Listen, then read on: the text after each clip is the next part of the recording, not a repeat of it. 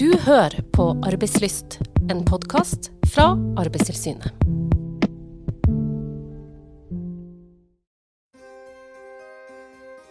I et arbeidsmiljø ikke så langt tilbake i historien var det ikke uvanlig at små barn ble kasta opp i taket og ble knust mot det. I dette arbeidsmiljøet var det altså regna som helt greit at små barn jobba, og at de som en direkte konsekvens av arbeidet ble sittende fast i et roterende bånd som drev maskinen de jobbet med, og altså ble slynget opp i taket og døde. Etter en stund var det faktisk noen som reagerte på barnas skjebne og ville gjøre noe med arbeidssituasjonen. Da ble en lege henta inn for å se på saken. Legen var helt enig i at det var unødvendig å knuse barn, så han foreslo en løsning. Hva om vi øker takhøyden i fabrikken? Da kommer jo barna til å slynges opp på en måte som gjør at de kan lande uten å miste livet.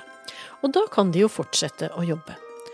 Og der hadde man et tiltak for å begrense skadevirkningene når ulykken først var ute. Høres det umenneskelig og urimelig ut for dere som hører på? Helt sikkert. Men sånn tenkte de faktisk i en tekstilfabrikk på slutten av 1700-tallet. Jeg heter Elin Solvang.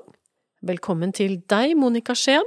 Du er avdelingsdirektør i Arbeidstilsynet i Avdeling for arbeidsmiljø og regelverk. Hvordan kom vi oss egentlig herfra med barna i tekstilindustrien til å ha et av verdens tryggeste arbeidsliv? Det har jo skjedd veldig mye på 150 år, eh, heldigvis. Så det er jo store forskjeller på den gangen da, og sånn som vi har det i dag. Og det er jo veldig mye man kan eh, svare på et såpass stort, eh, stort spørsmål. Eh, men det er klart vi har noen milepæler i utviklinga i Norge som har underbygd at vi har den arbeidsmiljøtilstanden vi har i dag. Eh, når vi kikker på det der eksempelet fra tekstilindustrien, så er jo det fra 1800-tallet fra England. Barnearbeid men vi hadde òg de samme forholdene i Norge, i fabrikker, i gruver osv. Og den første milepælen i norsk sammenheng, det var jo at regjeringa valgte å etablere eh, fabrikktilsynsloven og etablere Fabrikktilsynet. Og det er vel forløperen til Arbeidstilsynet?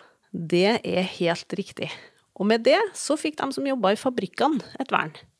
Men det var ikke noe vern for alle de andre. Det kom først på plass i 1936, med etableringen av arbeidervernloven. Da fikk, med noen unntak, så fikk da de fleste som jobba på fastlandet, et vern gjennom eh, denne loven. Da fikk man rett til ferie, man fikk vern mot usaklig oppsigelse. Eh, og denne loven ble revidert i 1956, hvor det da bestilt krav om verneombud og verneutvalg, som man kalte det. Eh, men noe av det som kjennetegna ulykkesforebygging da, i perioden fra 1900-tallet og fram til 1960, og i Norge, det var at det var veldig mye fokus på individene, og det at folk gjorde feil, og at det var det som var årsaken til ulykka. Det var veldig lite fokus på systemene som folk jobba under, og at det var organisatoriske årsaker til at ulykkene skjedde. Men så var det en viktig tredje milepæl som kan trekkes fram, og det var jo når man etablerte arbeidsmiljøloven i 1977. Eh, Dette starta jo en ny epoke i arbeidsmiljøarbeidet, egentlig. Eh, da da um, begynte man å se på helheten i arbeidsmiljøarbeidet.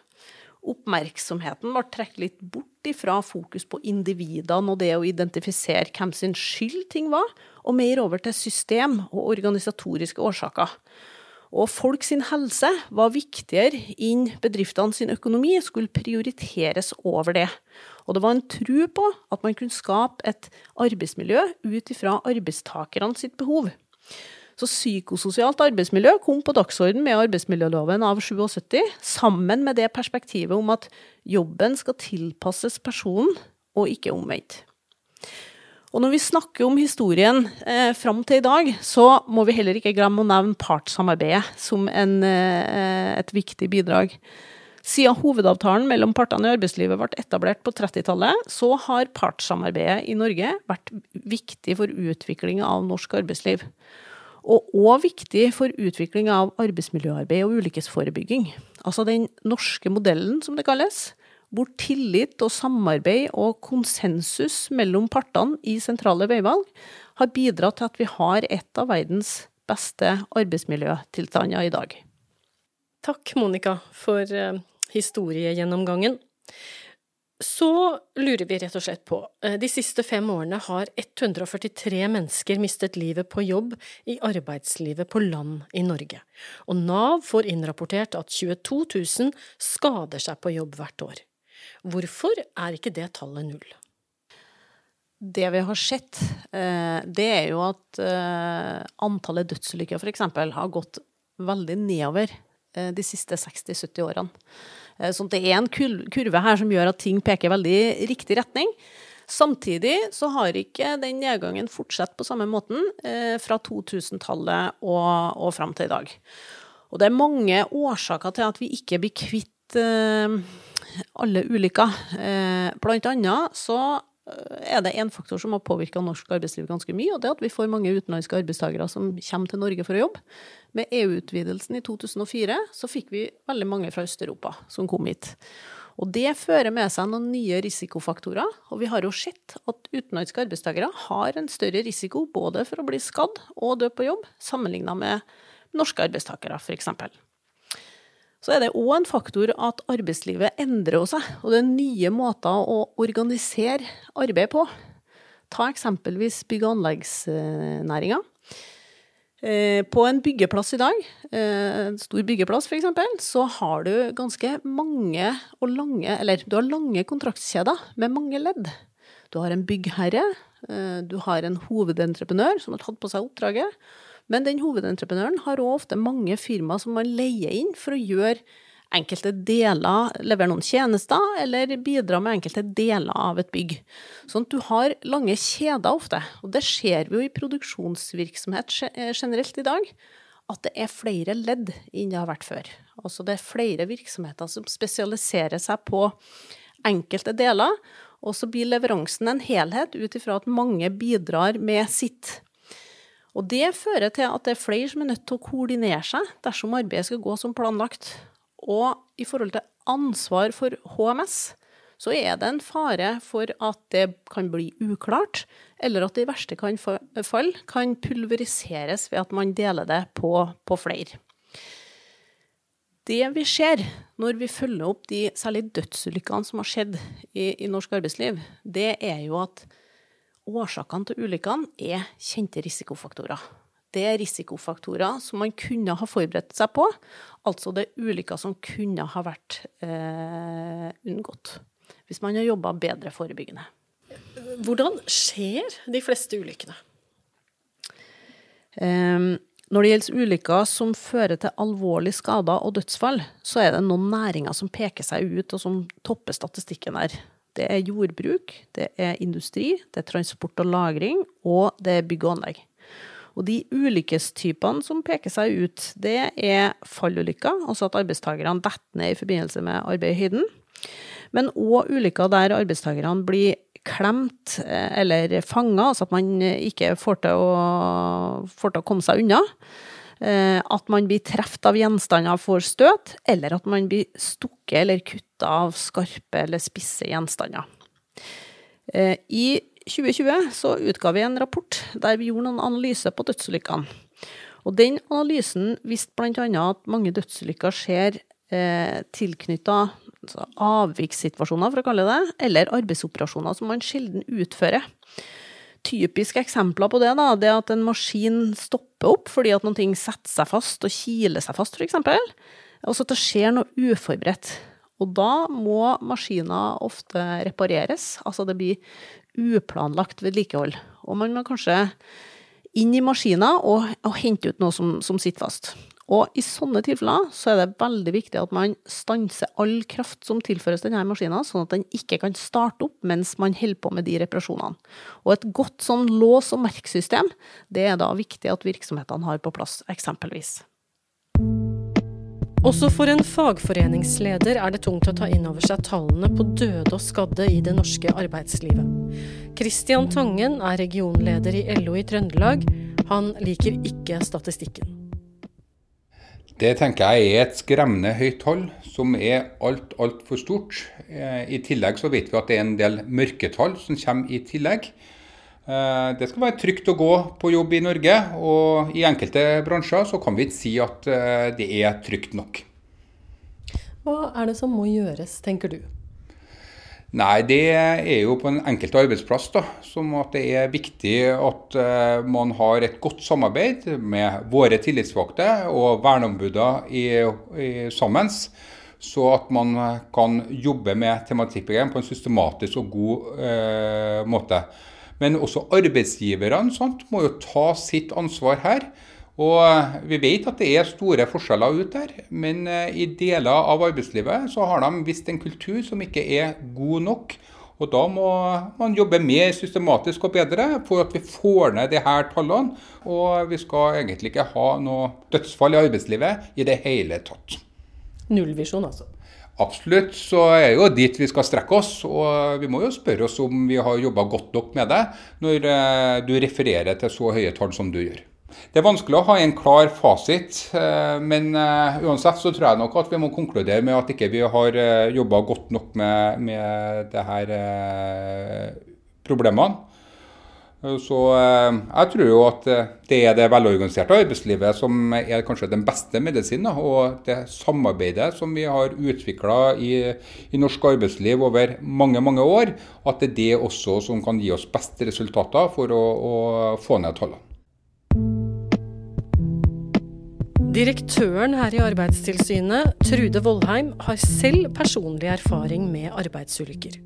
Faren hennes ble hardt skadd i en arbeidsulykke for noen år siden.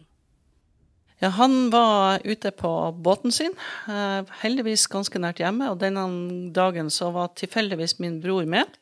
Eh, ellers så hadde han da etter hvert gått over eh, å være alene og jobbe alene om bord. Eh, og på en båt, som det ofte er også på fastlandet i f.eks. landbruk eller i industrien, så det er store maskiner, det er kraftige maskiner. Det var regn, han hadde på seg en regnjakke. Skulle bøye seg over for å stanse en maskin som trekker opp garnene. Eh, snora fra regnjakken hekta seg fast i det som vi kaller for spillet, altså den som trekker opp garnene. Og den er direkte knytta til motoren i, i eh, båten, maskin. Eh, og før broren min klarte å så hva som skjedde, så var faren min da løfta opp og klemt sånn i nakken at han ble, ble lam ifra, eh, fra hodet og ned. Takk til deg, Trude, for at du deler med oss. Hvordan tenker du at vi kan få ned tallet på ulykker? Det handler jo om å, på, å sette på dagsordenen. Altså det å lage gode eh, rutiner, gode sikkerhetsvurderinger eh, og risikovurderinger, eh, det kan du gjøre. Og så ta det opp som tema med dine ansatte. Vis at du går foran som et godt eksempel, at dette betyr noe. Vær oppsøkende ledelse.